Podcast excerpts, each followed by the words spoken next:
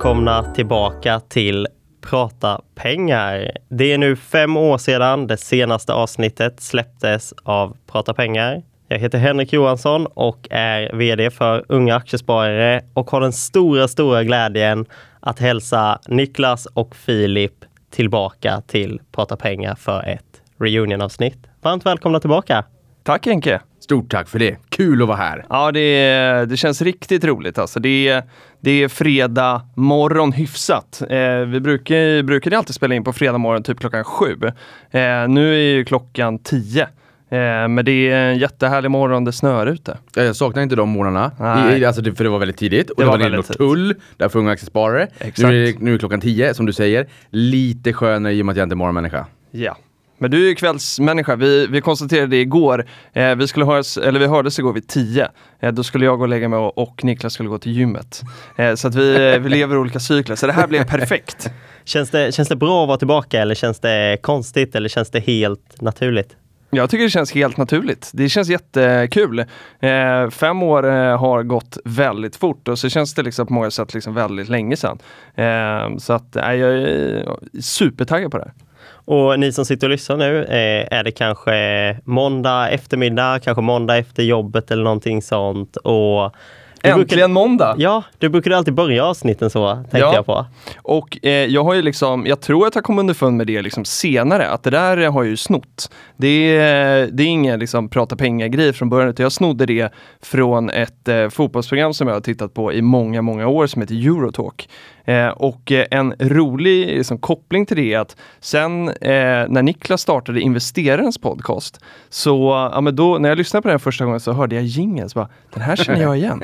och det var Eurotalk-jingeln. Så att Eurotalk har ju att göra eh, alltid, eh, medvetet eller omedvetet. Ja, men det ska jag väl också säga, just det var, varför jag sa att jag inte saknar den tiden var, ja det gör jag ju naturligtvis, men just de här tidiga morgnarna var ingenting för mig och det tror jag att de flesta av er vet. Men också varför jag inte riktigt vet att den gingen hör till sportvärlden är ju för att som ni vet, jag är sportanalfabet, jag har inte koll på det där. Men genom åren, jag menar hashtag prata pengar har ju levt i sociala medier genom alla år. Det är nu sju år sedan vi fattade mikrofonerna första gången. Och det är genom de här åren ibland så att någon har sagt att Niklas det finns en sportkoppling. Så att någonstans i mitt bakhuvud så har jag liksom hört det där. Nu har jag, eh, nu, har, nu vet jag vart det kommer ifrån. Ja men det är himla kul. Så att det, det har ju varit eh, för Niklas helt omedvetet, för mig eh, omedvetet eh, fast ändå medvetet på något sätt. Men har, har du lärt dig något om sport under de här åren? Full Sen fart sist. framåt, håll tätt bakåt, det är ungefär det jag vet. Det, det är ungefär det. Det är ungefär det. Det är allt man behöver veta tycker jag. Men vad, Men- vad ska vi snacka om idag i, i den här podden? Ja men eh, vi tänkte så här, det här är ju liksom, vi startade den här eh, för unga aktiesparare och eh, vi tänkte att vi skulle inleda den här podden nu när, när du också har liksom tagit dig tid att komma hit och snacka med oss. Så tänkte vi att vi skulle börja med att stämma av liksom läget med, med UA. Eh, hur mår UA egentligen? Ja, men jag tycker Unga Aktiesparare mår ganska bra. Eh, jag är ju lite partisk så. Eh, men jag tycker ju det är fortfarande en fantastisk organisation och det händer väldigt mycket kul. Det har ju varit väldigt speciella år sedan senaste avsnittet släpptes som kanske förändrat både världen och organisationen väldigt mycket. Och eh, även om det varit en tuff resa på många sätt så har det hänt väldigt, väldigt mycket kul under den här tiden också. Mm. Och hur var förra året måste jag bara fråga? För 2021, det var ju rejält med fart under galoscherna. Hur var det på Unga Aktiesparare ett år som i fjol när det var liksom full fart? Det har vi redan varit in på, när det var full fart framåt. Ja, men jag tror att eh, ja, men 2021 kommer nog alltid sticka ut och speciellt slutet av 2021. För om man tar sista månaden, eh, då december, så fick vi in mer medlemmar på en månad än vi fått sedan IT-bubblan. Eh, och det är såklart att en, en största delen av mig var ju bara jätte, jätteglad, men det är såklart att en liten del tänkte någon gång, är det inte lite för enkelt nu? Är det inte nästan lite för många som blir intresserade? Egentligen är det ju bara bra att jättemånga intresserar sig för aktiesparande. Men för oss kändes det nästan lite som att är det, är det för enkelt nu? Och det, det tog ju inte lång tid innan det small efter det. Eh, och många fick det väldigt mycket tuffare. Men ja, 2021 var ju ett fantastiskt år för oss, verkligen. 2022 har ju varit mycket tuffare. Men Unga Aktiesparare är fantastiskt, det vet vi alla tre. Och där ser vi ju också med Euroclears rapport att hela förra årtiondet dominerades av ungdomarna. Mm. Och inledningen på det här året. Det är ju också kanske inte särdeles konstigt att det är just de unga människorna som kommer in och blir nya aktieägare och direktägare aktier. För att de äldre har ju haft längre tid på sig att köpa aktier. Men en grej som jag ibland ser och hör det är att ah, ungdomar de ska bara veta när det går ner. Då, då blir det tufft. Låt dem ta sig igenom en sån Mm. period. Och där vill jag säga att de som varit med på börsen de senaste tre åren har varit med om mer än de som har varit på börsen de senaste 30 åren. Och jag skulle också säga att de som är unga idag har en betydligt bättre riskspridning, risktänk, money management än vad man hade om man var ung i början på 00-talet eller kanske slutet på 90-talet. Så att någonstans så tycker jag den här jag vet inte varför jag kommer in på det här. Det här är ett sidospår. Det här Det är är en utsvävning. Det tog Det är- någon minut innan utsvävningen kom. att säga att ungdomarna idag har en sämre riskspridning och att de bara ska se när, när börsen går ner. Det är totalt felaktigt i min värld. Och sociala medier har gjort det så otroligt mycket enklare för de många också att hitta till börsen. Eh, så jag, jag liksom slutar där jag började. Jag tycker Unga Aktiesparare är fantastiskt. Inte minst för det nätverket man bygger. Ehm, nu är jag ju aktiesparare i och med att jag är lite äldre. Det är lite mossigare. Unga aktiesparare är fortfarande riktigt, riktigt bra. Och kollar man faktiskt de senaste större kriserna, om vi kollar både IT-bubblan och finanskrisen, så om man kollar på Unga Aktiesparares medlemstal så halverades ungefär organisationen under de här åren då när man hade en stor nedgång. Eh, kollar man just nu så ligger vi plus minus noll på rullande 12 månader då. Eh, vilket är helt fantastiskt. unikt för att ha en så stor nedgång och kunnat hålla uppe åtminstone samma nivå. Så att jag är otroligt tacksam att vi inte haft ett, eh, ett större fall i organisationen ett år som detta. För annars är det ju så att vi jämfört med vår systerorganisation Aktiespararna har en mycket mer volatil eh, med, liksom medlemstrend. Att vi, det kanske ökar procentuellt lite mer när börsen går bra men det går också procentuellt väldigt mycket sämre när börsen går dåligt. Men vi har verkligen haft ihärdiga eh, unga investerare, vilket gör en ju både väldigt stolt men också väldigt positiv till framtiden. För det här kan ju bli riktigt långa investerare. Den, den, den spontana frågan här, liksom, det är, har ni ett eget VIX-index så kallar ni det för skräckindex när Ja. ni tittar på medlemsvållan. Men eh, vi som, som gamla unga aktiesparare då i, blir väldigt glada och stolta för det här. Och, eh, så vi får ju tacka dig Hinke och eh, Jennifer som sitter i, här i studion också eh, förevigar eh, det här, den här inspelningen. Eh, då har ni gjort ett jättebra jobb på kansliet. Tack. Tack. Och- inte minst ute i organisationen. För eh, kansliet i all ära, men, men liksom den riktiga verksamheten är ju faktiskt ute i lokalavdelningar, alla ideella krafter som är liksom flera hundra till antalet. Och där är jag nyfiken på, hur har det funkat? För en av de största värdena med UA som, ju liksom, som, som vi själva upplevt är ju när man får träffa folk. Man är ute och träffar bolag eller vi hänger på en aktiefika och sådär. Hur har det funkat under pandemin?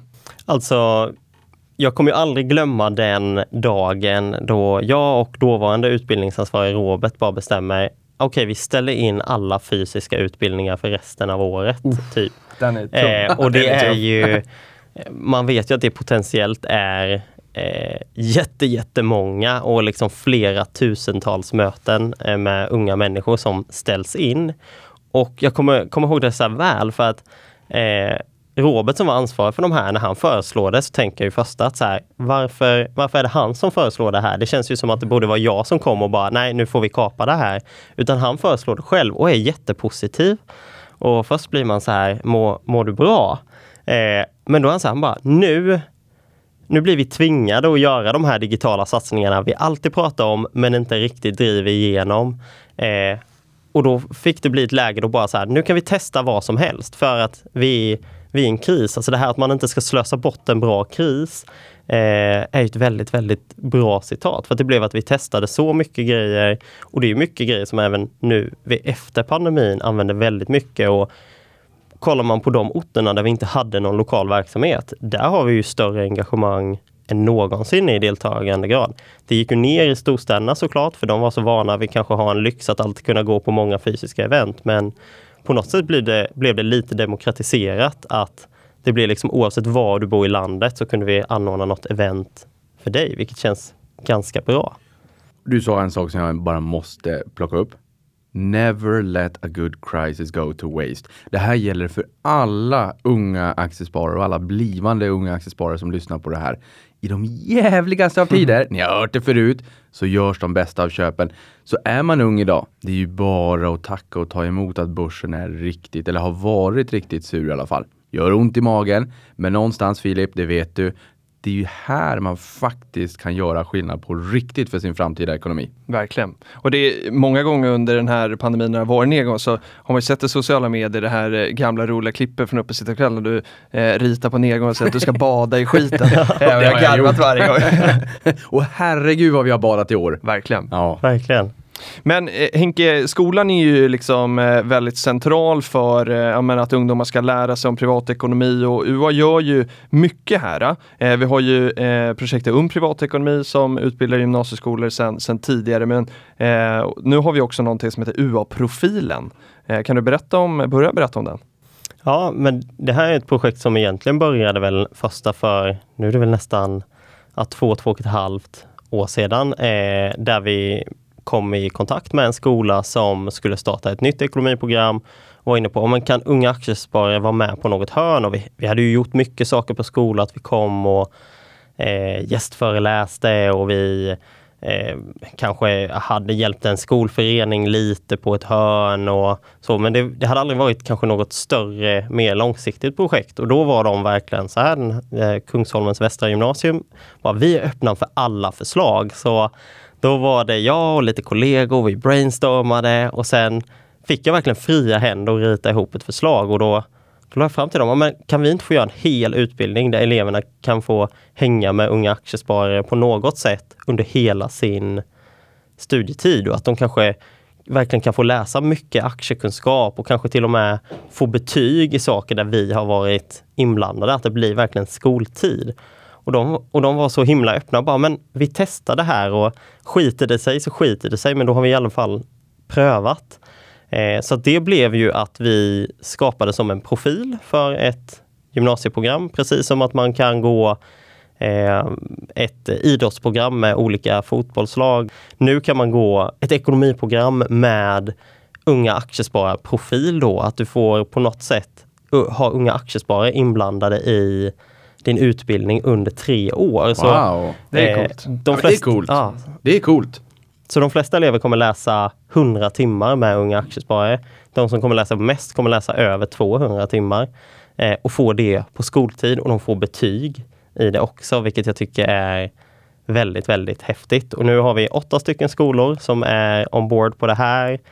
Eh, och det har ju ändå kommit upp i några hundra elever och kollar man nu om några år när vi hunnit få in lite fler kullar så kommer det ju vara tusentals elever som plötsligt eh, får gå utbildning med Unga Aktiesparare under skoltid.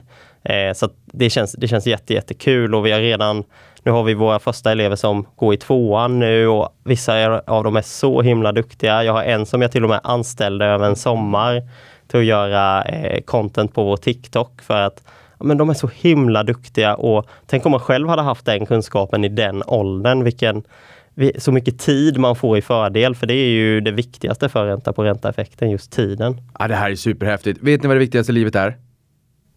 Tid. Ha kul. Ha kul, ja, ha kul och vårda relationer. Och det är ju också någonting som har varit viktigt för oss allihopa, just relationsbygget i Unga Aktiesparare. Verkligen. Och jag har sagt det förut och jag säger det igen när man är ute i näringslivet idag, och äh, Filip, jag vill inte vara den som är den, men vi är inte så unga längre.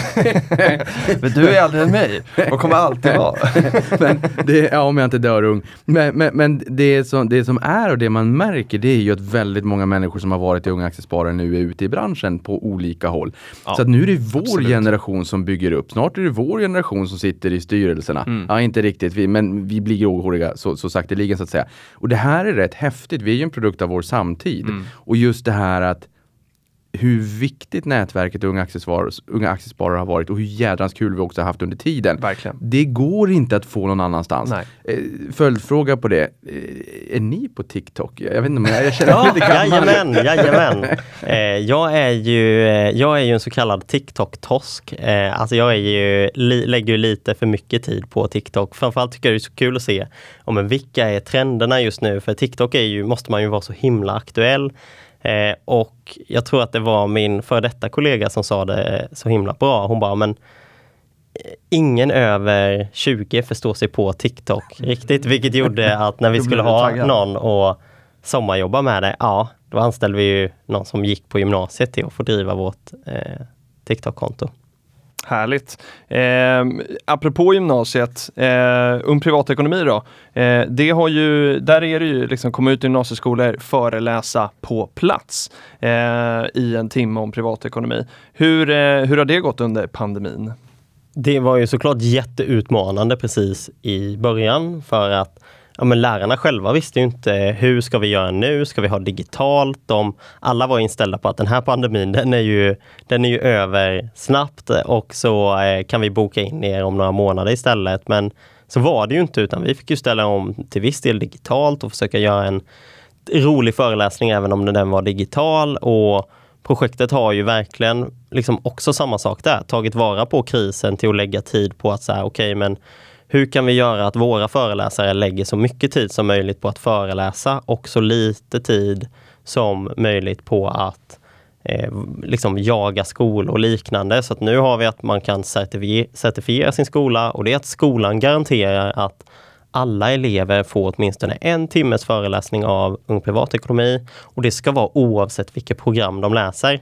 Annars kan det bli väldigt mycket så här, men samhällseleverna, ekonomieleverna, natureleverna, de får den här privatekonomiföreläsningen, men inte de som går praktiska programmen eh, eller eh, liksom kanske ja, något helt annat, utan det blir väldigt lätt att det bara blir de här ekonomieleverna. Men då garanterar skolan att alla elever får det. Så att det är ju faktiskt rekordmånga vi träffar, vilket är över 30 000 elever om året träffar projektet nu, vilket är, ja, känns fantastiskt. Och det känns som att det inte är out of reach att nå att alla elever i Sverige kan få liksom, någon privatekonomisk utbildning.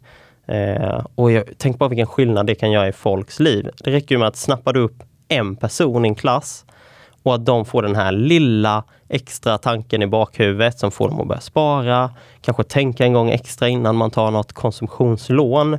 Alltså bara pengarna det kan spara samhället är ju otroligt mycket. Ja, verkligen. Så fler kan eh, lära sig bada i skiten när det, är, när det går tungt. Ja, ja, och jag sa ju nyss här, det viktigaste i livet. Eh, ett tillägg till den punkten, det är också så här som man säger, ät din gröt var dag eller spenat eller vad det är. Spara varje månad. Ja. Glöm inte bort detta. Nej, verkligen. Det är, det är så viktigt det, ha kul och månadsspara. Då, då har man skapat sig bra förutsättningar ju. Och har man lite tid då kan man säga att det är kul att månadsspara så har man slagit ihop dem. Det är det verkligen. Eh, jag tänkte också Henke att vi ska prata lite om något som har eh, ja, varit i fokus för UA liksom i många år. Både varit liksom jämställdhet och mångfald. Eh, hur ligger vi till där? Eh, jämställdhet, så förra året så hade vi rekordstor eh, andel tjejer. Och det var så kul att detta också hände under året vi hade en så himla stor uppgång. Att det inte bara var de här kill unga killarna som ska ta för mycket risk som kom in, utan det var även många unga tjejer. Så då var organisationen för första gången uppe över 35 procent mm. eh, andel tjejer då, vilket var ett mål man satte upp för kanske det är en fem sex år. Det är ja, typ det är på din sedan. tid. Ja. Eh, så det, ja, det var på din tid, så det måste varit länge sedan. eh, så att eh, det, det sa man ju då att det här är ett stort, väldigt långsiktigt mål och, och nu är det faktiskt där. Och det, det är ju såklart inte eh, bara tack vare oss, utan det är så många aktörer i finansbranschen som jobbar så aktivt för att få fler kvinnor eh, att börja investera. Och det är så himla synd att det inte är fler, för att generellt sett är de ju så mycket bättre än oss killar. Mm. De, jag brukar säga att en kille måste ju förlora mycket pengar en gång innan han börjar tänka som en tjej gör. Eh, så att äh, det känns bara jätte, jättekul och just när det kommer till mångfald så kanske det är den mest aktuella frågan för oss just nu. Så nu har vi haft ett projekt eh, tillsammans med Nasdaq i ett år där vårt fokus har varit, okej okay, men kan vi nå ut och lära ut lite om sparande och aktier till alla de som inte får det i liksom få det hemifrån eller få det vid matbordet. Vilket gjort att vi har ju träffat jätte, jätte, jättemånga unga som, men stor del kanske så andra, tredje generationens invandrare, kanske eller har föräldrar med kanske sämre ekonomiska förutsättningar. Vi har haft event och aktiviteter i mer socioekonomiskt utsatta områden. Eh, inte bara tillsammans med Nasdaq men även tillsammans med några andra partners som Fryshuset eh, och My Dream Now och Allkompis. Så att eh, det har varit ett jättekul projekt och verkligen nått ut de här som vi annars inte hade nått ut till. Så det känns som att Unga Aktiesparare blir liksom mer och mer representativt för folket, vilket känns jättekul och vi når ut till många som vi annars inte hade nått ut till. Så himla viktigt ju. Eh, och kul att, att se att liksom, eh, någonting som har varit i fokus länge faktiskt börjar ja, men visa resultat också. Det är, det är så himla kul att höra. Ja, och det är både tack vare er och många andra innan mig som verkligen, vad ska man säga, krattat manegen eller vad man säger för oss att kunna nå de här eh, målen.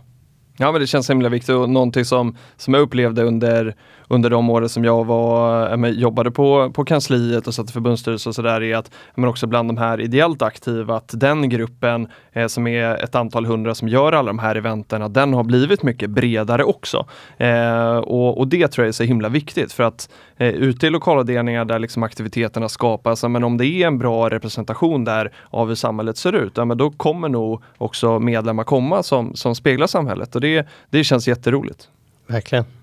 Förra året så hade ni ett fokus på julkampanjen och, om att och liksom rikta särskilt liksom till tjejer och, eh, och inte minst för att eh, ja, jämna ut eh, eh, medlemsbasen och göra den mer jämställd. Men det som jag liksom hade till på var att ni hade sett att eh, de som gav bort ett medlemskap i julklapp gjorde det i högre grad till en son istället för en dotter. Eh, det här chockade mig lite. Ja, och vi sa precis att vi hade haft rekordhögt antal tjejer, men den har verkligen drivits av tjejerna själva. För att kollar man på alla de som blir medlemmar hos oss på eget initiativ eller går en utbildning på eget initiativ, ja men då är vi någonstans kring 60-40, kanske till och med någon procent bättre än det ser det ut som att det är just nu. Och det, ju, det, låter ju som att shit, vi håller på att nå det här. Men kollar vi alla de som går på en utbildning där det inte är på eget initiativ, att de har blivit uppmuntrade av någon eller att de får ett medlemskap eller liknande. Där är det liksom helt tvärtom. Där är det liksom 30-70. Så att vi ser att mamma, pappa, mormor, morfar, farmor, farfar är ja, med andra vuxna runt om en.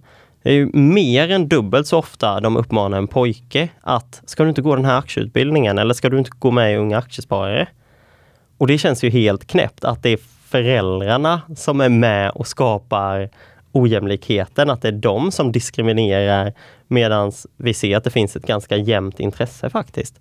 Eh, vilket jag tycker är jätteknäppt och då kan det ju vara att man tänker att ja men det är för att det är så många pappor som uppmanar sina söner och mammorna inte gör det lika mycket mot döttrarna. Men det är ju faktiskt så att mammorna och papporna diskriminerar jämnt ut. Att även mammorna eh, uppmanar sina pojkar i större utsträckning. Så att vi har ju betydligt fler mammor som ger sin son ett medlemskap än mammor som ger sin dotter eh, ett medlemskap, vilket är helt knäppt. Så att är det verkligen någonting jag vill skicka ut till er som lyssnar, om ni har en dotter, att varför, varför ska inte de börja spara och investera? Att upp, lite kanske extra uppmana dem och har de några tjejkompisar att uppmana deras föräldrar att trycka på med de här frågorna. För att liksom att väcka intresse tidigt är en jätte, jättestor del. Här kan jag bara säga att jag har dragit mitt strå till stacken. Ni kanske kommer, du Filip kanske kommer ihåg när vi hade det här baby booms avsnittet. Just där det. jag breakade att jag skulle bli pappa. Det Ja. här var alltså, jag vet inte när det var, 2016, 2017 där någon gång.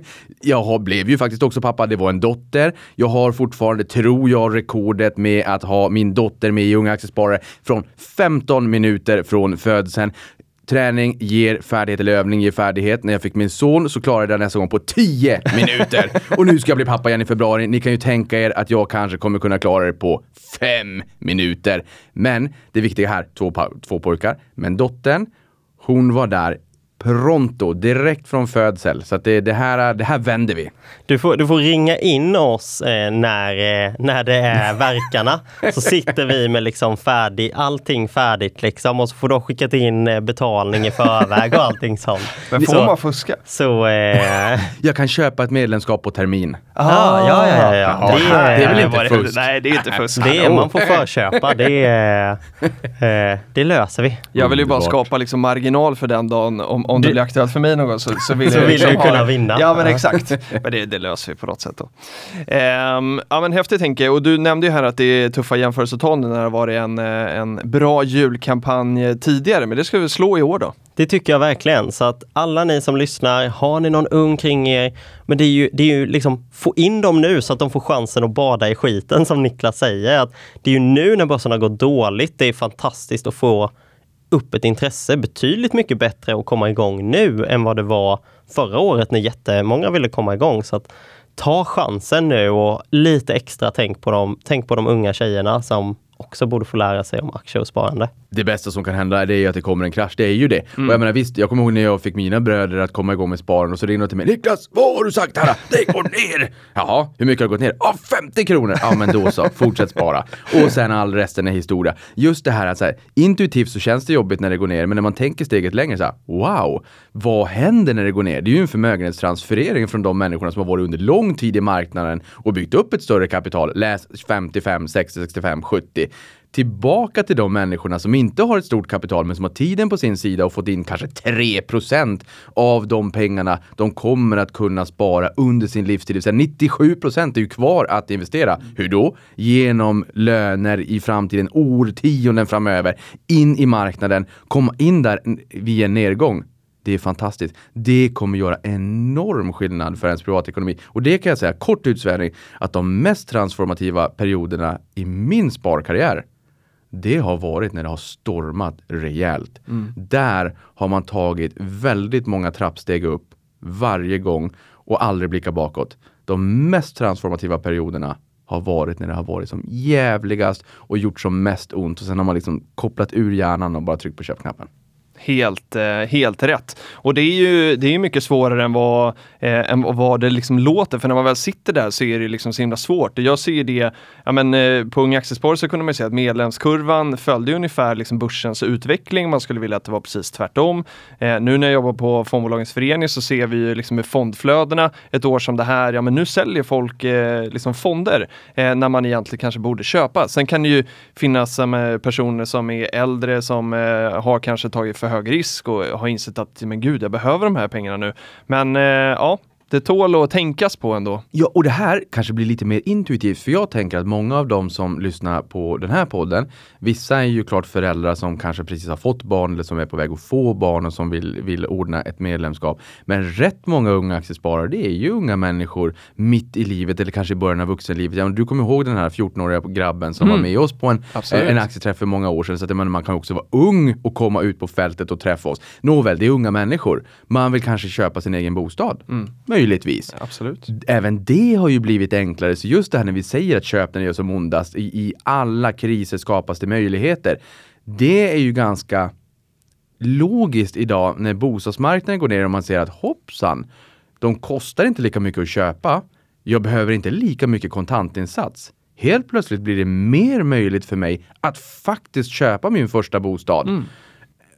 Fast har man då köpt på toppen och köpt jättestort, då har man ont i magen. Samma sak gäller ju på börsen. Ja, verkligen. Man får eh, fler aktier eller fler eh, fondandelar för pengarna nu helt enkelt. Ja, och du sa Fondbolagens förening, där är du ju idag. Jag menar, ni har ju statistik från typ Hedenhös. Jajamän. Och en sån statistik som jag kommer ihåg att jag tog fram, det här är ett gäng år sedan, det var ju liksom hur spararna har betett sig och då primärt aktiefonder genom åren och då var det två årtionden, alltså 20 år då.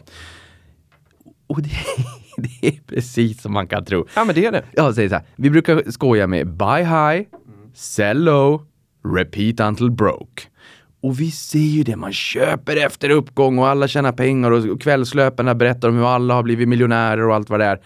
Och sen går det ner, vi får jätteont i magen, vi tänker trycker jag på säljknappen, då behöver jag åtminstone inte ha ont i magen. Jag hatar börsen, det var ett kasino. och så säljer man där. Och sen, ni vet senaste perioden, jag har försökt medialt att plantera den här idén om att snittaktien på Stockholmsbörsen har varit upp 37 procent sedan årslägsta i slutet på september för OMXS30, 13 oktober för breda börsen. Tror ni någon har plockat upp det? Nej. Nästan 40 procent sedan årslägsta för snittaktien. I princip ingen har plockat upp det. För narrativet är fortfarande att det är väldigt mörkt. Och det här är viktigt att komma ihåg. Men min poäng här. Vi ser det hos fondbolagens förening. Man köper efter uppgång, man säljer efter nedgång. Gör precis tvärtom så har man rätt goda förutsättningar att lyckas över tid. Verkligen, och bara det här månadssparandet gör ju att om man inte vill tänka att när är det då liksom dags att bada i skiten, om man köper varje månad så kommer man ju både buy high och eh, buy low då och så får man hoppas att man inte sell low. Eh, men så liksom bara av att följa den regeln så har man gjort väldigt mycket. Ja, och för barn också, gör inte det misstaget som jag har hört om ibland som ger mig så här ont i magen, kalla kårar, magsår när man går in, kanske till banken och så frågar de vad man är beredd att ta för risk och så kanske man ser sånt där fondfaktablad och det är från 1 till 7 och 7 är det alldeles rött, illrött och man tänker att Nej, men jag vågar ju absolut inte ta risk med de här pengarna. Tänk om min lilla son eller dotter förlorar alla pengar. Det här ska gå till en kontantinsats. Aldrig i livet! Och sen i värsta fall, vi, vi har en liten utmaning i Sverige när vi pratar om risk. Vi pratar mycket om risk och det kan gå käpprätt åt skogen och fanders och allting. Men vi pratar inte så mycket om möjlighet Nej. att risk och, och avkastning hör ihop.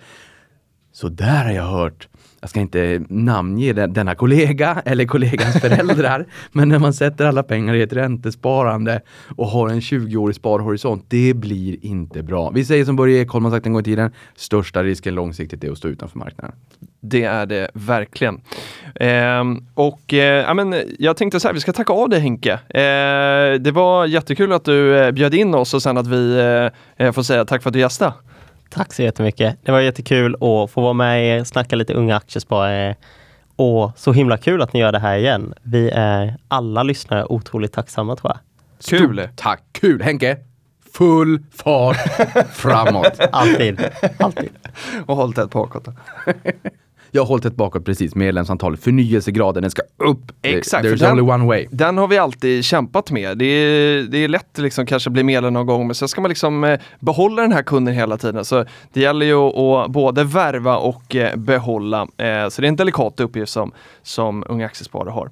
Eh, jag tänkte så här att eh, vi ska göra en, en liten snabb recap. Vi ska försöka i det här reunion-avsnittet att täcka liksom eh, många av delarna som varit liksom beståndsdelarna av den här podden eh, under de två åren som, eh, som vi producerade. 102 avsnitt! Eh, det är helt otroligt alltså. Och, eh, eh, vi hade ungefär 50 000 lyssningar i veckan eh, och det senaste avsnitt, eh, av, avsnittet släpptes ju då alltså den 11 december 2017. Eh, och jag var inne och kollade, det har ju nu 107 000 lyssningar bara det avsnittet. Så det är helt, eh, helt otroligt.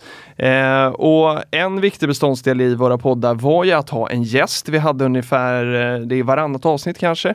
Eh, och sen så i de andra avsnitten så eh, gjorde vi det som vi är duktiga på. Vi satt och snackade. Vi pratade om aktuella saker, vi svarade på Twitterfrågor eh, och eh, vi avslutade ofta med ett svep, eh, ett nyhetssvep från dig Niklas. Så alla de här delarna ska vi försöka eh, checka av idag. Hur Och vi det? höll aldrig tiden. Aldrig. Ja, du höll aldrig tiden. Jag, jag är aldrig tiden. Du, var, du fick alltid liksom sitta och tjata på mig att nu är det dags att avrunda. Eller så var det tvärtom. Jo, fast en, alltså, en, en gång. En gång. Nej, ja men en gång. När, jag vet när, vad du ska säga nu. Ja, en gång när, när jag önskar att vi skulle kunna liksom addera en minut när du var benhård. Mm. Kommer du ihåg det? Ja, jag kommer ihåg och där, där blev vi osams. Där, där, det var när riksbankschefen Stefan Ingves var på besök eh, och jag som är liksom, ja, men, gillar struktur och, och sådär, eh, har koll på tiden eh, och agendan. Vi hade ju fått tydligt från dem att så här, nej, men, ni har så här mycket tid på er. Eh, och jag satt i hela avsnittet och var jättestressad. Man var ju ganska nervös inför att han skulle komma också.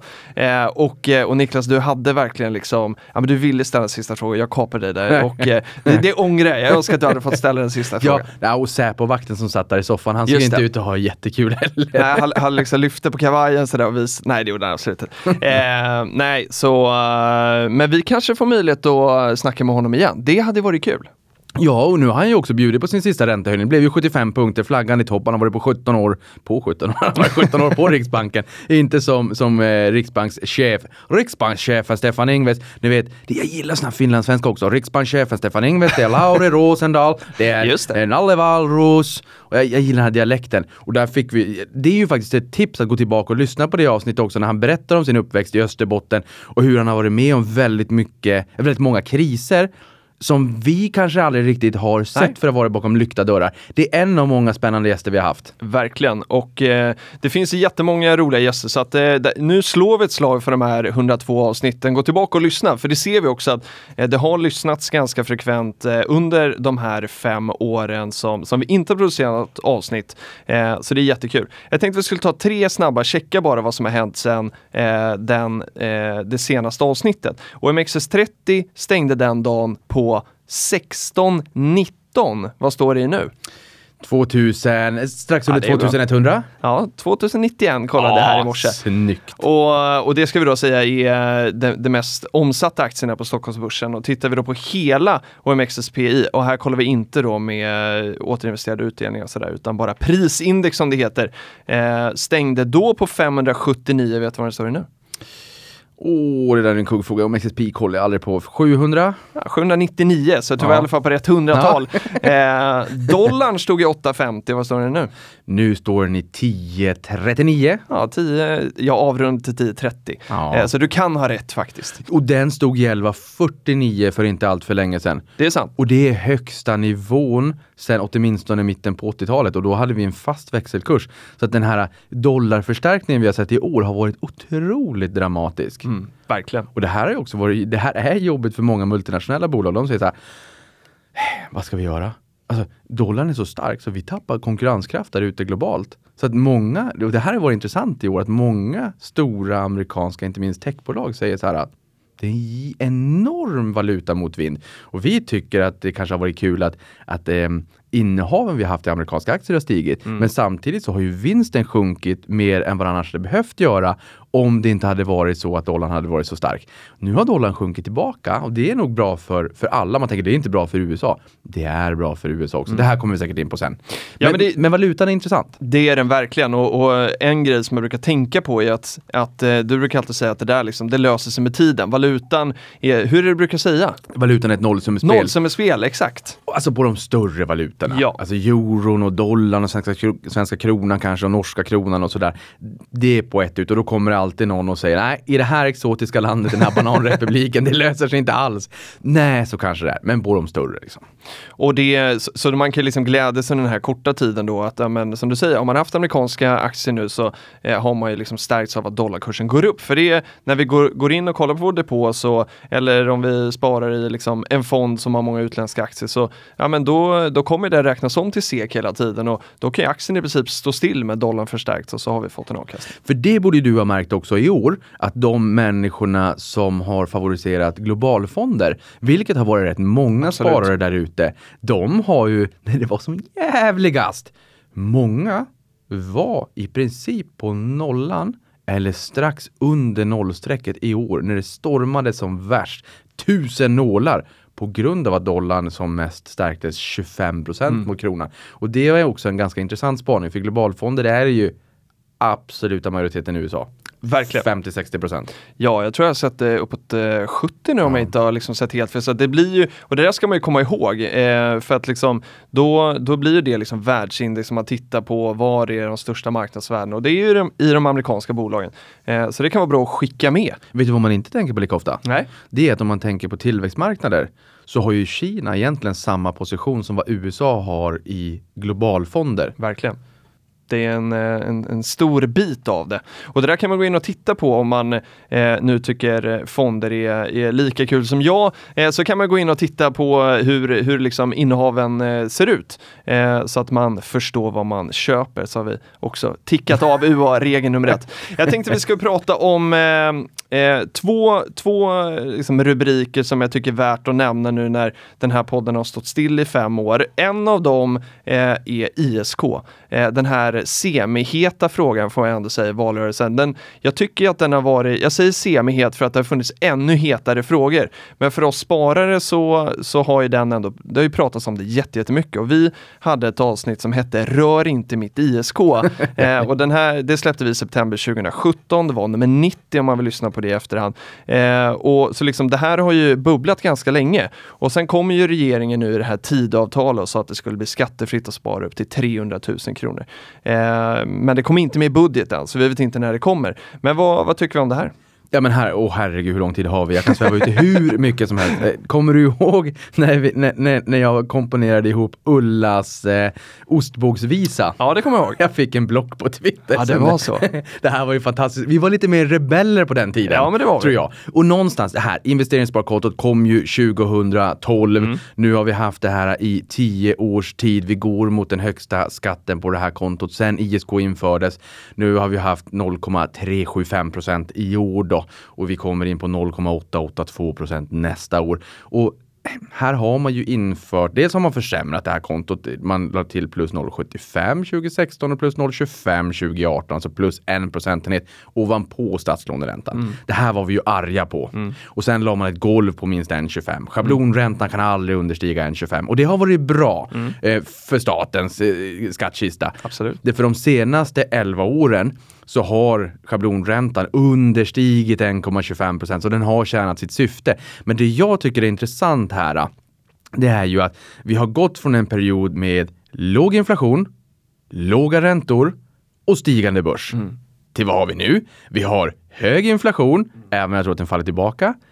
Vi har stigande räntor och vi har sjunkande börs. Då kanske man också ska införa ett räntetak om man nu envisas med att ha med det här räntegolvet för att få en räntekorridor. För det vi alltid har kämpat för i alla tider, det är ju visibilitet för spararna, Ja. schyssta villkor. Eller så kan man bara rulla tillbaka de här försämringarna. Så att det kom inte med, skrivelsen om 300 000 skattefritt kom ju med i, i, i Tidöavtalet. Jag tycker att man måste utvärdera dem på hela mandatperioden, men jag hade ju gärna sett att det hade kommit nu i och med att det är en stökig period. Sen kan man ju fråga sig, jaha, Niklas, byter du från ISK till depå? Aldrig i livet! Tror du att jag vill få återhämtning på börsen med traditionell beskattning? Skatteverket säger, ja, fantastisk avkastning du har haft. Då får du betala 30 procent. Ja. Jag har inte haft någon fantastisk avkastning, det har ju varit en återhämtning. Det här har ju bara slickat, eh, slickat såren. Jag är ju fortfarande ner. De bara, nej, du har tjänat jättemycket pengar, det här ska du betala skatt på. Så där vill jag ju naturligtvis ha återhämtningen inom skatteskalet. Men, men, det sista jag vill säga. Borgerligheten har ju faktiskt gett oss schyssta förutsättningar historiskt. För tittar man i historieboken, man tittar i den finansiella backspegeln, så hade vi på slutet av 70-talet så var det skattefondssparandet. Och sen på 80-talet, då blev det allemansfonder och allemanssparandet. Och sen har vi fått investeringssparkonto. Och nu ser det ut som, som Mats Persson på Liberalerna sa, för deras förslag med de här 300 000 kronorna. Niklas, han sa, vi går mot ett paradigmskifte för sparande. Tror du att jag gillade det? Det tror jag verkligen. Men det ska levereras. Under mandatperioden vill vi se att det levereras därför att annars så kommer Filip och jag att ta fram en ny ostbågsvisa. Ja, vi kan ju skriva musik. Det, det kan vi faktiskt eh, testa. Det hade varit lite roligt att göra. Nej, men och, och det, det jag tycker är det största problemet med det här, eller ett, jag ska säga att jag tycker det är jättebra om man kan subventionera sparande för många så att det liksom fler får bättre förutsättningar att liksom bygga upp en, en buffert, en ekonomisk liksom trygghet. Eh, det som, eh, två grejer som jag liksom funderar på kring det är också att ja, men, eh, den här visibiliteten som du pratar om, det är den stör mig allra mest nu för att man ser ju på Twitter, man har kompisar som frågar, är det dags nu att byta till någonting annat? Och det här tycker jag är ett av de största problemen. Att man inte, ja, men liksom tröskeln för sparandet blir ännu större om man dels ska fundera på hur ska jag spara, men också liksom, hur ska jag få det eh, liksom vettigt skattemässigt? Det är alldeles för krångligt. Och sen fråga som kommer in, ska det här också gälla kapitalförsäkring? Väldigt oklart från början. Eh, senaste man hörde var väl att det där får vi titta på och man får väl hoppas att eh, man väljer att justera det så att det gäller både för ISK och kapitalförsäkring eftersom många sparare faktiskt ser de här som ungefär motsvarigheter. Ja, och lite komplementära också. Jag menar, det är ju många som vill ha kapitalförsäkring Exakt. för barnsparande och det här fritt förmånstagarförordnande. Och jag menar, det kan ju finnas skäl i livet att man behöver båda två och att Absolut. de fyller ett syfte båda två. Så jag håller med. Man, det blir lite mer komplicerat med en kapitalförsäkring där pensionsbolaget står som ägare. Men problemet är till för att lösas. Det är det verkligen. Då får man vara, vara lite kreativ, annars så kommer det en eh, kapitalförsäkringssång kanske från oss. Eh, men sen eh, en sak som jag faktiskt inte har tänkt på ja, men som jag absolut inte tänkte på 2017 tror jag, men som eh, en, en kollega uppmärksammade mig på när det här började röra sig och det var att eh, liksom ISK, var in, det togs inte fram med tanken om att det skulle vara liksom skattesubventionerat utan att det skulle liksom vara neutralt de andra formerna och, och framförallt att det skulle förenkla sparandet i det att man slipper deklarera. Sen har ju liksom eh, strukturen man gjorde med att eh, det skulle eh, röra sig med statslåneräntan när vi haft eh, lågt ränteläge och stigande börs så har det ju blivit mycket bättre än, en eh, än, än liksom vanlig depå. Men här, här har man ju liksom satt sig i liksom ett trubbel som man får liksom hantera och det är väl liksom en, en korridor låter väl alldeles utmärkt. Ja, och här någonstans måste man också ha en förståelse för hur hur beskattningen på ett ISK fungerar. Mm. För det märker jag ofta i debatten att man säger att politikerna lovade att inte höja skatten och nu har de gjort precis det. Nej, det har de inte gjort. Det är skillnad på skatt och beskattning. Där politikerna har försämrat det här var 2016 och 2018 när man införde det plus 0,75 mm. och plus 0,25 och när man la, la in golvet. Eh, men det vi ser nu, det är ju att skatten stiger på grund av att statslåneräntan stiger. It's the name of the game. Det har yeah. vi vetat sedan dag noll. Mm. Sen har väl ingen riktigt trott på att räntorna skulle stiga så kraftigt som vad de har gjort. Nej. Vi ska komma ihåg att Sverige har världens äldsta riksbank anno 1668. Sverige var först ut i världen med negativa räntor 18 februari 2015. Inte igår, till och med före det första avsnittet av Prata pengar sändes. Så vad händer nu när inflationen rusar? Och det är inte heller riktigt vårat fel. I alla fall i Europa och Sverige mycket utbudsstörningar. Vad ska centralbankerna då göra? Ja, de trycker på bromsen, de höjer räntorna mm. och vad händer då? Jo, statslåneräntan. Det är ju faktiskt en snittsiffra, en residual om man så säger, av alla statsobligationer med en återstående löptid på minst fem år. Man tittar på alla de där och så drar man ett snitt av dem. Vad tror man händer på räntemarknaden när Riksbanken höjer räntan? Ja, räntorna stiger. Ja. Men sen om man tror att räntorna har stigit lite för mycket, man knäcker ekonomin och man tror att den ekonomiska aktiviteten kommer sjunka, då kan långräntorna börja sjunka. Mm. Men det är ju det här som har höjt skatten på ISK. Att Riksbanken har varit tvungna att höja räntan av logiska skäl. Mm. Och är Riksbanken påverkad av politiken? Nej, de gör ju vad de vill. De är fristående. Absolut. Och det är också så att i ett läge, vi har en ganska låg statsskuld i Sverige. Vi kan intervenera. Vi kan med fiskalpolitik, finanspolitik hjälpa hushållen och hålla dem under armarna i sura tider. Men det är kanske inte särdeles klokt nu. För gör man det nu och eldar på och trycker upp inflationen, vad kommer då Riksbanken behöva göra? Höja ännu mera. Ja. Vilket påverkar ISK. Så jag, jag, tycker att det är viktigt att ha förståelsen för att i det här fallet så är det inte politikerna. Men det är i politikernas makt, nu tänker du Niklas, sluta nu prata. det, är, det är i politikernas makt att rulla tillbaka försämringarna, för det är ett o ohyfs. Ja, men, men, men, det som slog mig då var att sådär, om inte tanken var att det skulle vara subventionerat på något sätt och sen råkade modellen göra att det blev det, eh, att det skulle kunna vara en bakgrund till att man får så här, ja men nu måste vi nog lägga ett golv så att det liksom inte ska bli eh, bättre än liksom någonting annat. Så. Men eh, ja, vi vill ha ett bra, bra förutsättning för sparande, det kan vi konstatera. Och grejen är att det finns faktiskt fördelar med vanlig traditionell beskattning mm. som man frånsäger sig med ett investeringssparkonto konto. Så att jag menar, någonstans om du har en miljon på kontot och du får 7% avkastning, det är 70 000 med 30% skatt så är det 21 000 i skatt då. Mm. Och har du ett investeringssparkonto med en miljon och en skatt på 0,882 då är det 8 820 per miljon. Säg 10 000 då, det är ungefär hälften. Mm. Men samtidigt så innebär det ju också att du ska betala skatt varje år oavsett Exakt. om börsen går upp eller ner och i år blir det kanske extra påtagligt när börsen har gått ner. Och du får inte rida på en gratis belåning för med vanlig depå, för varje extra krona som det här går upp så är det så här, jaha okej, okay, 30 öre är staten och 70 öre är mitt, men jag får behålla allt i årtionden framöver. Så jag får en gratis gearing, mm. jag får en gratis belåning fram till att jag någon gång i framtiden väljer att sälja. Och sen får jag inte kvitta vinster mot förluster Nej, på ett ISK. Så att man måste, skatten på om en traditionell eh, depå och de här 21 000 i skatt i relation till en miljon så är det 2,1 procent. Hade vi sagt, hade vi liksom justerat för att det här hade varit som ett ISK. Traditionell beskattning, ungefär som ett ISK, mm. 2,1% skatt. Skatt på ISK nu 0,882. Skillnaden är i princip det dubbla med traditionell beskattning. Men man måste justera för att man frånsäger sig fördelar med traditionell beskattning. Absolut. Vi måste komma ihåg detta. Mm. Vi kan inte göra det för enkelt för oss i debatten. Nej.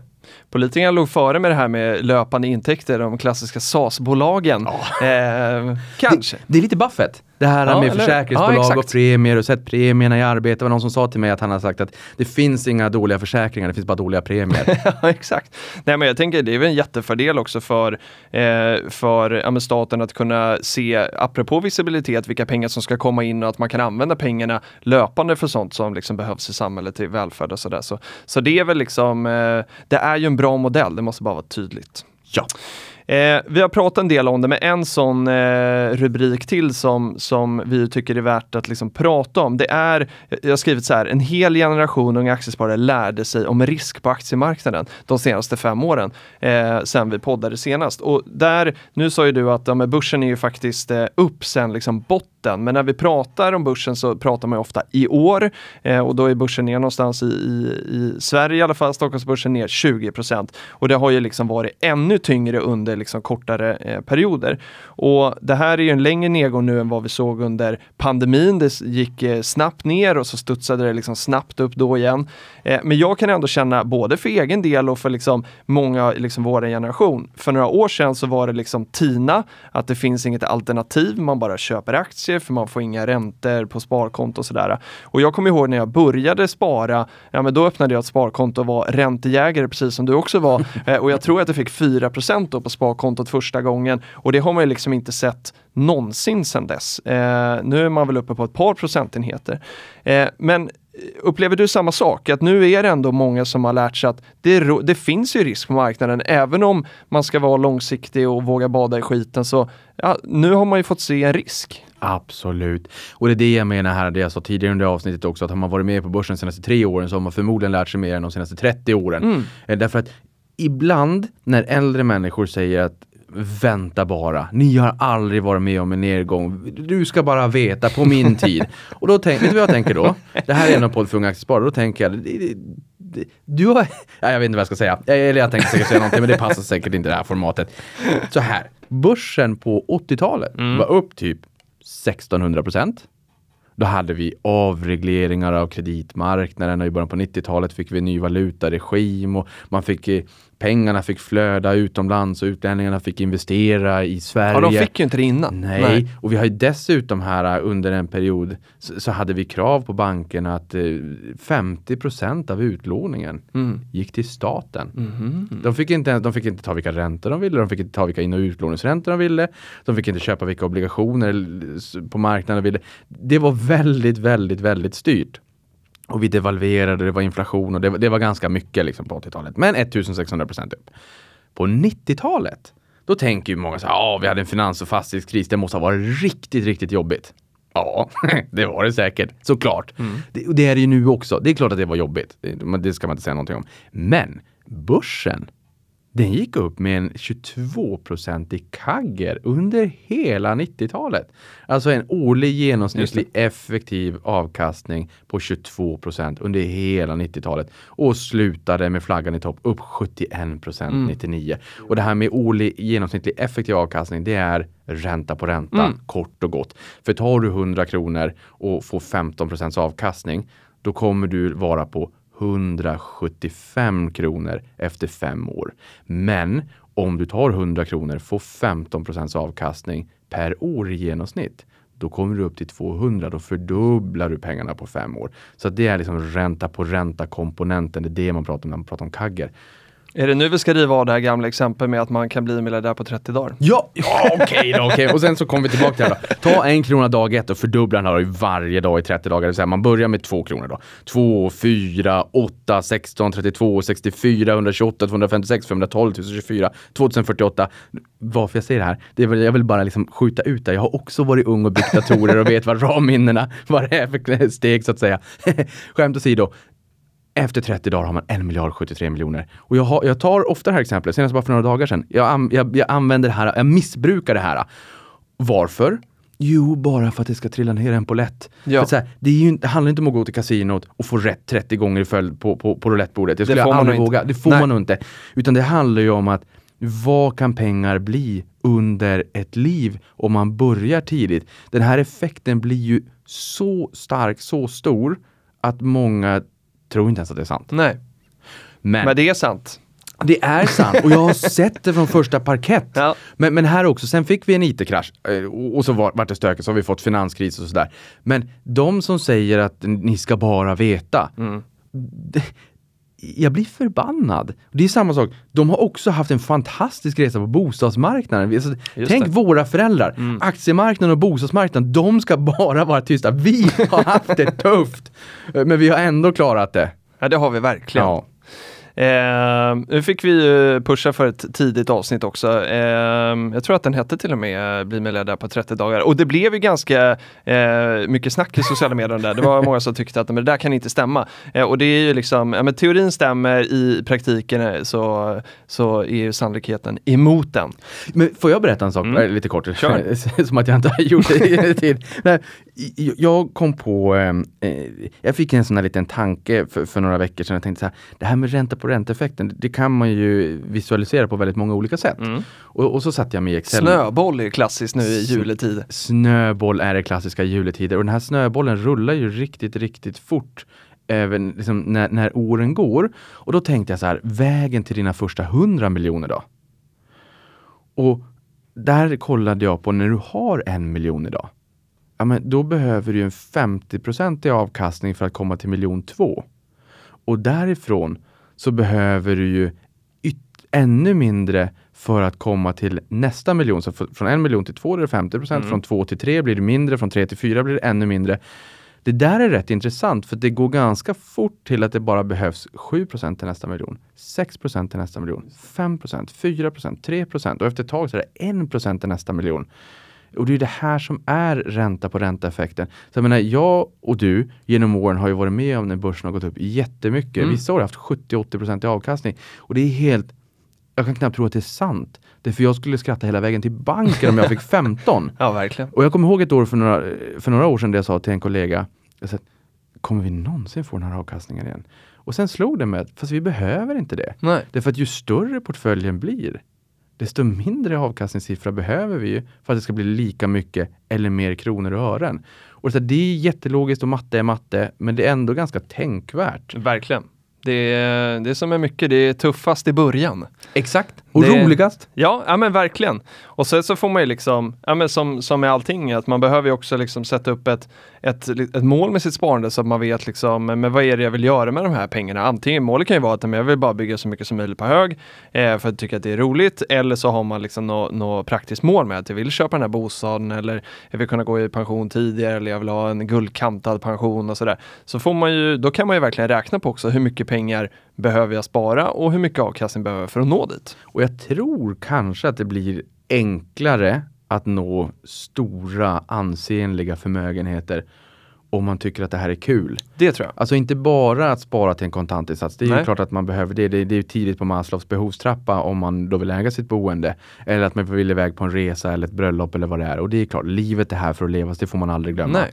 Det hade jag sagt, sagt till en yngre Niklas. Men, men också det här om man verkligen gillar det här med sparande, investeringar, aktier, företag och inte bara för pengarnas skull. För ganska snabbt så blir pengarna inte riktigt lika intressanta. Nej. Utan att hänga med på en resa och bygga någonting stort.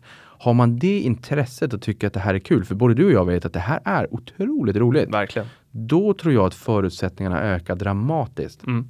Nej, men det, det tror jag också. För har man, liksom, har man inte intresse och liksom ett, ett syfte med det, ja men då är det ganska lätt när någonting annat liksom pockar på en att man vill göra något annat med pengar, att man gör det istället. Så därför tror jag liksom syftet är så viktigt att landa i. Eh, vi ska hoppa in på ett annat klassiskt eh, prata pengar eh, eh, inslag och det är att svara på Twitterfrågor. Oh. Eh, vi har ju den här hashtaggen eh, prata pengar som, som vi startade. Jag tror, eller jag ska ärligt säga att det fanns ju eh, några tweets tror jag på den innan vi drog igång. Eh, vill minnas att det var min kollega Jennifer Ström som eh, använde det här eller tipsade mig om det när vi skulle starta den här podden och så, så tog vi det.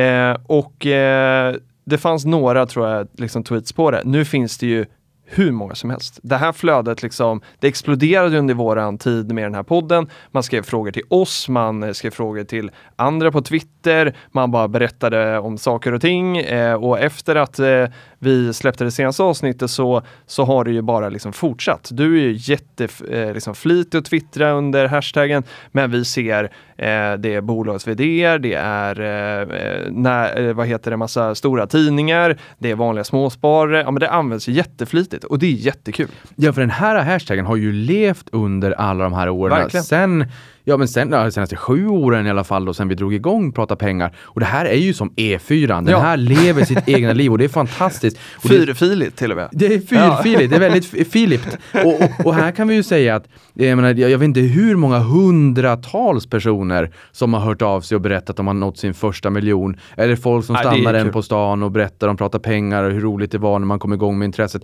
Eller många liksom på min arbetsplats som också berättade att så här, jag är här idag på grund av att jag började lyssna på Prata pengar en gång i tiden. Tack! Och liksom det, här, det var en fantastisk period och det var det ju. Det var det.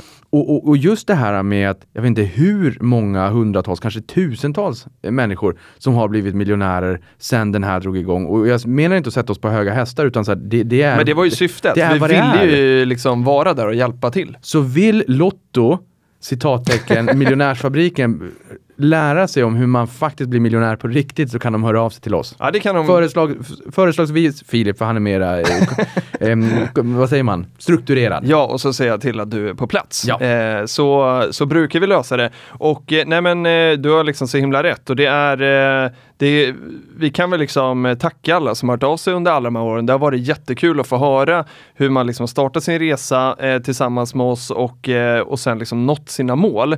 Eh, och extra kul när man eh, kommer fram på stan och jag var nere i Jönköping för ett tag sedan och satt och åt en hamburgare med min kompis. Eh, då kom det fyra grabbar och, och frågade om de fick störa i maten.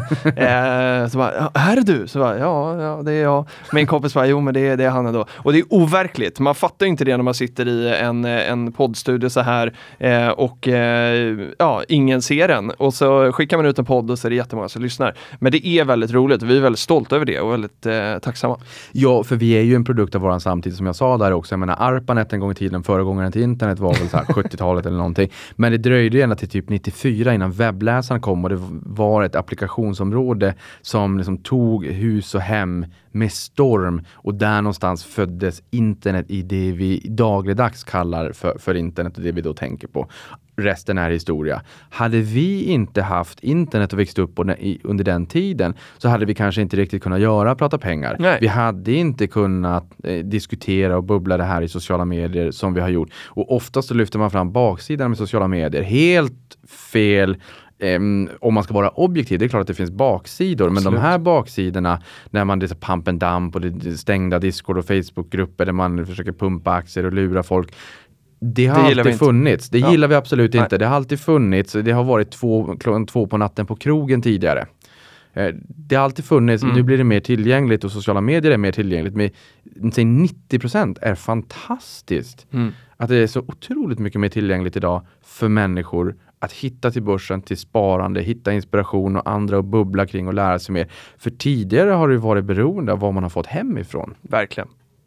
Och förut då så, ja men eh, då kunde man skriva under den här hashtaggen inför att vi skulle spela in poddar så eh, gjorde vi så att vi gick in och plockade lite frågor eh, som vi besvarade under podden och eh, vi har gjort likadant inför det här. Det är bara det att ni som har ställt frågor har ingen aning om att vi skulle besvara dem i det här formatet också. Eh, så jag tänker att jag ska ta några och eh, du har varit lite inne på en men jag ska ställa frågan ändå. Det är Young Investor som har skrivit om ni på Finanstwitter kunde gå tillbaka till ni var 19, vad hade ni då gett er själva för råd angående investering? Hur enkelt som helst. Mm. Spara mer. Spara mer? Nej. Nej, jag hade nog faktiskt sagt till mig själv att ta det lite lugnt. Ja. Ehm, Jag har ju som många vet haft en lite överdriven eh, sparkvot och varit lite för benhård mot mig, mig själv. Så att jag hade nog gått tillbaka och sagt ta det lugnt, det löser sig i slutändan ändå och att livet har ett tidsvärde. Så.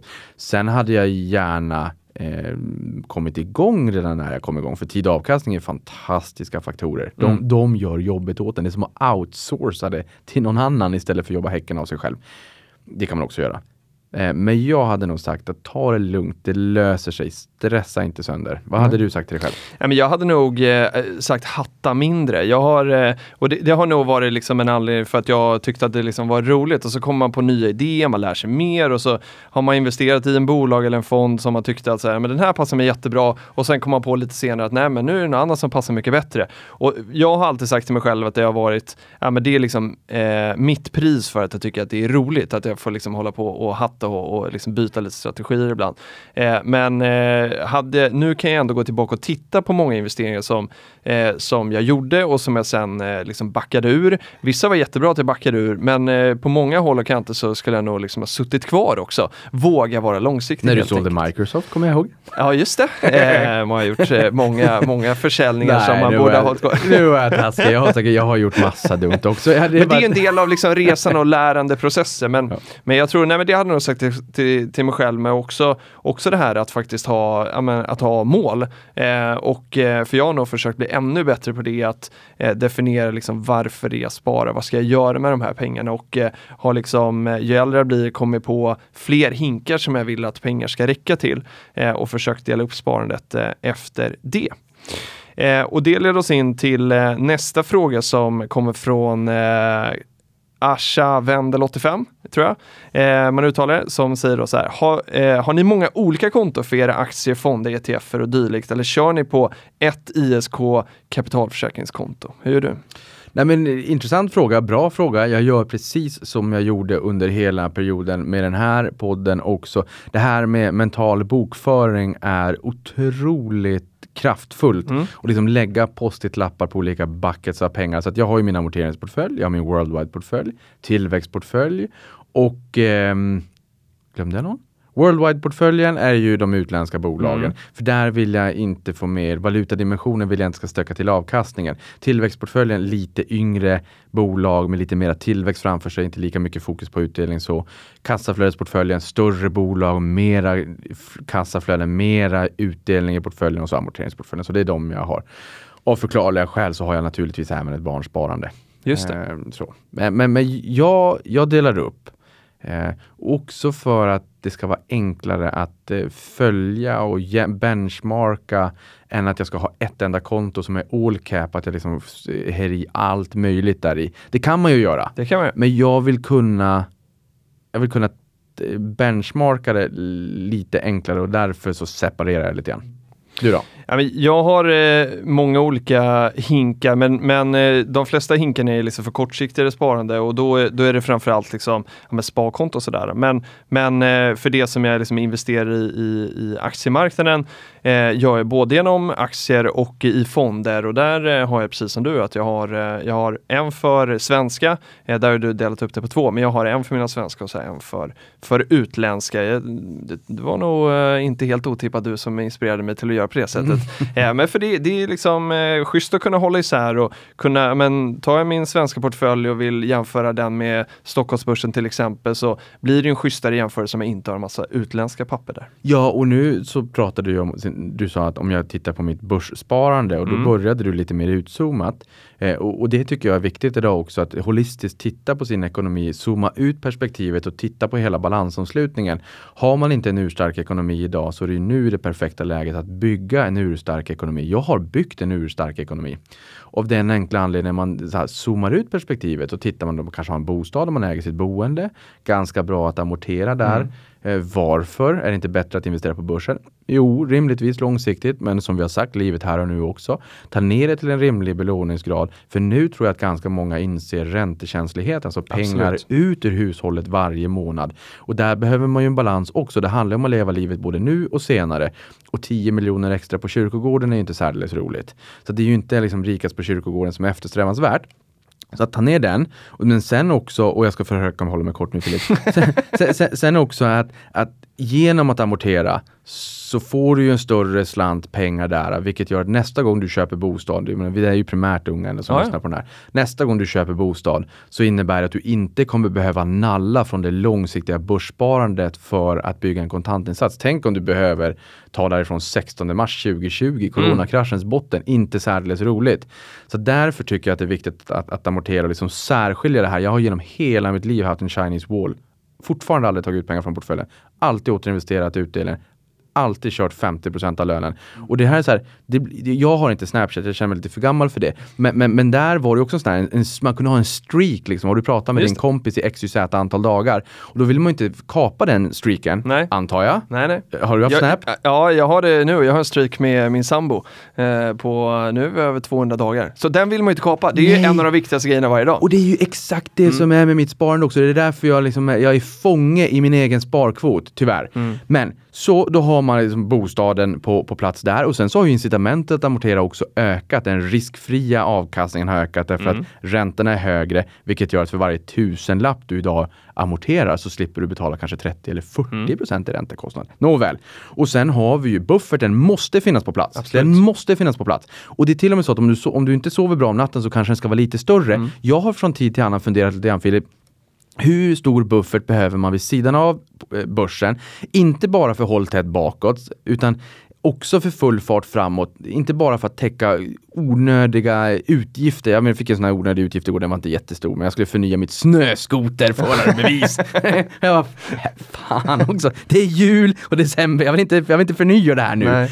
Och så här, hur mycket pengar behöver man i bufferten vid sidan av börsen för att inte tänka, tänk om jag bara hade sålt den 4 januari när börsen stod på topp. Vad hade jag kunnat göra? Jag hade kunnat köpa det här, jag hade kunnat göra det här. Man ska inte tänka så. Det, det är bara onödig energi som går åt. Vi ska inte fastna här. Hur mycket känner du att du behöver i en buffert vid sidan av ditt långsiktiga sparande på börsen för att aldrig översätta portföljens svängningar till pengar? Nej, men jag tycker att, eh, och jag tror att vi liksom pratar om det på samma sätt för flera år sedan, att, eh, för man kan höra ibland att det ska vara x antal månadslöner och sådär. Jag tycker att det är mycket bättre att titta på hur stora levnadskostnader har jag. För eh, någon kan ju tjäna, eh, eller två personer kan tjäna lika mycket men har helt olika typer av utgifter. Och jag tycker det är skönare att titta på ja, men hur mycket kostar det för mig varje månad att, eh, att leva och sen så eh, är det ju skönt att då kanske ha ja, men, en sån utgiftspost eller ett par sådana liksom för att, eh, att känna sig liksom trygg. Eh, så, så, så har jag försökt röra mig och då blir det där, det rör sig upp och ner beroende på liksom, ja det är högre idag än vad det var för eh, liksom, några år sedan. Så att eh, det rör sig. Ja och målsparandet behöver man också för att vi vill alla göra roliga saker här ja, i livet. Och sen det långsiktiga sparandet och det är också så här, gillar man inte sparande, då kanske man inte ens lyssnar på den här podden. Men här, då, då, har man incitament, att börja i tid för tid och avkastning. Då har man större incitament att faktiskt börja igår än annars. Så det är det jag menar med en urstark ekonomi. Det är det jag menar när jag säger att jag byggt en urstark ekonomi. Det finns ingenting i, den, i denna värld som kan knäcka min ekonomi. Nej. Det finns ingenting som kan måla in mig i ett hörn. Tycker jag att det är roligt när börsen sjunker?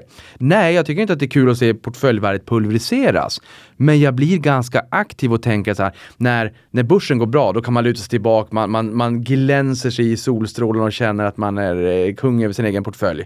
Och i sämre tider när det bränner till och det liksom känns som att det inte finns något stopp och det bara pulveriseras. Det är som att pengarna i portföljen stormkokar bort när man har satt så på tolvan eller power på, på spisen och vattnet bara i den här kastrullen bara ångar bort då vet man att nu måste jag arbeta. Det är ungefär som den här mjölksyran på gymmet. Jag har aldrig upplevt det, men, men om jag hade upplevt det så känner man åh, så, sista gången så vet man att man får liksom biceps stora som basketbollar. Samma sak gäller på börsen och det är det jag menar. Ingenting kan någonsin måla in mig i ett hörn. Skulle jag bli arbetslös så skulle jag åtminstone, jag skulle kunna ta vilket jobb som helst. Ingen prestige för fem öre och jag skulle ha lite utdelningar i portföljen som jag skulle kunna återinvestera. Så det skulle fortfarande växa mm. lite grann. Det är ju fantastiskt. Så tänker jag. Ja. Och, och, så är det säkert för dig också. Men det gäller bara att tänka på det sättet. Har jag inte en urstark ekonomi idag, ja men vart är jag som mest sårbar? Mm. Och fokusera på det och bygg den här urstarka ekonomin. För varje resa börjar med ett första steg. Någonstans måste man börja och det är förbaskat roligt. Ja men det, det är det verkligen. Och sen, sen jag, jag har inte lika tydliga eh, kinesiska murar mellan liksom, portföljen och liksom det andra. Jag kunde använda eh, liksom det jag sparat i portföljen till liksom, för att köpa liksom, dyrare bostad för att det har varit eh, liksom, viktigt i mitt liv. Och så, så man gäller, det gäller ju liksom att hitta eh, med vad som är viktigt för en och så får man liksom använda pengarna till det. Men eh, hela tiden liksom aldrig stanna upp i det här långsiktiga liksom sparandet för att man har ju sett vad det, vad det gör för effekt. Eh, och det ger en liksom möjligheter som, ja men eh, möjlighet som jag har haft liksom nu i ekonomin som jag inte trodde för tio år sedan men som jag har att tacka för att jag liksom spara under alla de här åren. Så att, eh, men, nu, men nu är ni två? Nu är vi två. Så då är det halverad, Ja, halverade exakt. fasta kostnader. Ja, exakt. Så att det, är- det är ett eh, bra spartips. Eh, Jag tror att det var Günther som sa något kanske att man ska bli sambo. Framförallt är det ju fantastiskt för att det är, eh, det är så mycket lycka i livet. Så att, eh, eh, det är väl den största anledningen att eh, träffa någon som, eh, som man tycker mycket om. Ja, och sen halverade fasta kostnader, det är också lite trevligt. Det är, det är trevligt och man kan liksom hjälpas åt. Då blir det mer till att göra roliga grejer tillsammans.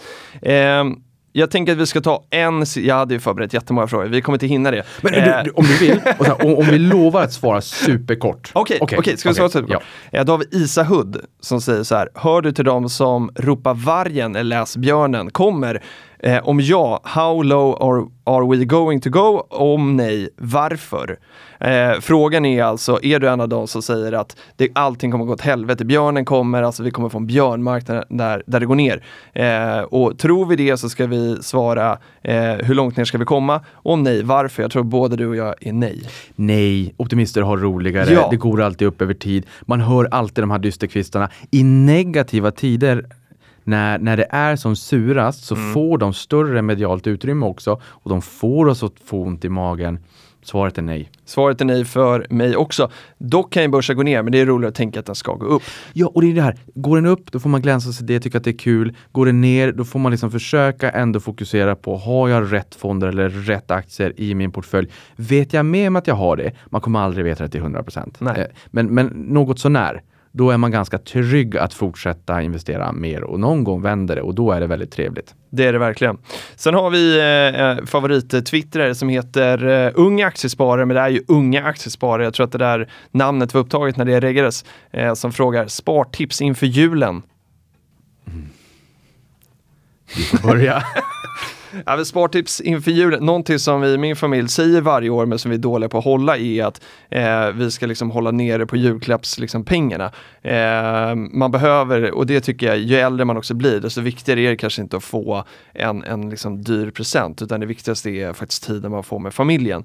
Eh, så så, så det, det tycker jag. Tänk till lite och kanske spela ett julklappsspel med, med saker som är ja, med personliga och roliga men, men inte behöver kosta så mycket. Jag håller med. Då går vi vidare till Börsintresserad har frågat bästa poddradio inom finans. Det pratar pengar va? Det pratar pengar. Kommer vi till aktiesparare igen då som har eh, frågat så här. Vad har du lärt dig om aktiemarknaden som du inte visste för ett år sedan? Okej, jag visste det här för ett år sedan också, eh, så att nu förstår jag ju svaret på frågan. Men hur otroligt viktigt det är med psykologi. Ja, Hur otroligt viktigt det är med psykologi. Detta ämne är och har alltid varit så styrmoderligt behandlat. Mm. Eh, och effektiva marknadsteorin eller effektiva marknadshypotesen kom på 70-talet. Det, det är rätt fascinerande, då fanns ju inte ens internet. Nej. den, den existerar inte. Det, och den säger att allting är rätt prisat hela tiden. Allting är rätt prisat Mm. hela tiden. Att Alla människor alltid har all publik information som finns tillgänglig. Oavsett om det är en exotisk tidning, en lokalblaska i Vietnam som har skrivit någonting. Eller om det är Norrbottens-Kuriren eller om det är Svenska Dagbladet eller Dagens Industri eller Unga Aktiesparares tidning. Och att alla tolkar det på exakt samma sätt. Och det stämmer ju inte. Absolut inte. Och det är därför börsen ju eh, rör sig hela tiden. Eh, så nej, eh, den kanske hade rört sig ändå. Strunt samma, vi går vidare. Eh, Men vad, vad har du lärt dig som du inte visste? Ja just det, det glömde jag säga. Eh, ja, men jag tror kanske ändå jag tror kanske att jag har tänkt till eh, extra mycket på, på liksom risken. Eh, just det här liksom med Tina. Och liksom eh, hade liksom mycket svårare liksom att se att det skulle gå så himla snabbt med att komma in i ett ränteklimat där, där liksom räntorna började stiga och stiga så snabbt. Ehm, det trodde jag inte. Och vet du vad som är intressant med det? Nej. Tina, there is no alternative. Det här pratar man 2018, nu pratar jag snabbt bara för att vi ska hinna med, för Mm. ni vet att så här var det på den tiden också. Då hade vi en, em, en frossa, det var en, en, en rotation från tech till hälsovård som sen vart en frossa. Börsen är 17,9 procent, det här var alltså 2018 då. Och där toppade vi på en tioåring i USA på 3,30 och där sa globala förvaltare till Bofa sa att vid 360-375, då kapar vi tiden, there are no alternative alternatives till att då, då allokerar vi in mer pengar till räntemarknaden. Nu har vi toppat på 4,33, vi är kanske på 3,50 nu. Nu har man gått till Tara, det är reasonable alternatives. Det. Och det här är också rätt intressant för i år så tycker vi att det har stökat på börsen. OMXS30 har varit ner 27,76, breda börsen har varit ner över 30. Det här är inte riktigt det hela sanningen. Vi har haft en krasch i år. Varför? Jo, för att index är värdeviktiga. Så skulle Atlas eller Investor nysa så skulle börsen eh, få halsfluss. Skulle ett mindre bolag få halsfluss så skulle ingen knappt märka av det. Nej.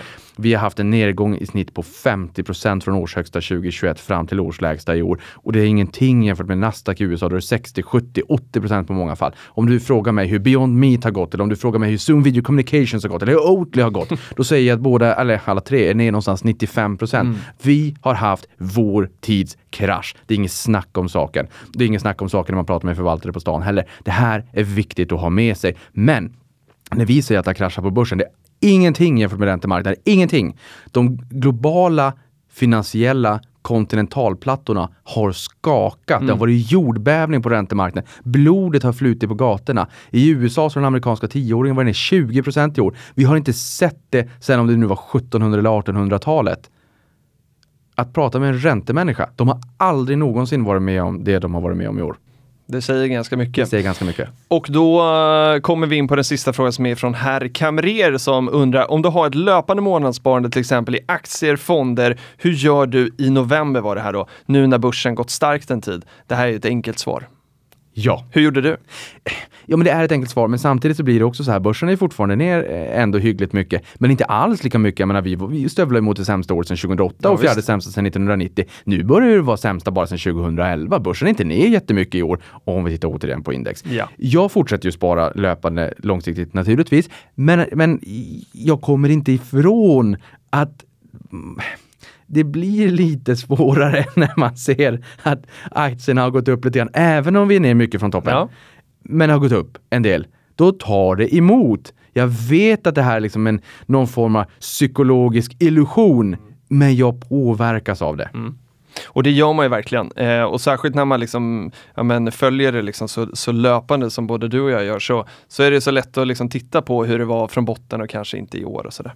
Eh, men jag gör precis som du, jag fortsätter månadsspara. Det är det enkla svaret. Ja, men det blir en omvänd anchoring. Ja, det blir. Jag hade velat köpa på botten där. Och sen vet du ju å andra sidan, då tänk om jag bara sålde på toppen. Ja, jag vet. Man är alltid så himla efterklok. Vi är inte strängt kalkylerande, nyttomaximerande vandrande miniräknare. Det är vi verkligen inte. Nu ska vi ta det sista eh, inslaget som eh, jag tyckte var himla spännande varje vecka. Eh, och eh, det kallade vi, tror jag, för svepet. Eh, det är så vi har kallat det i den här gandan.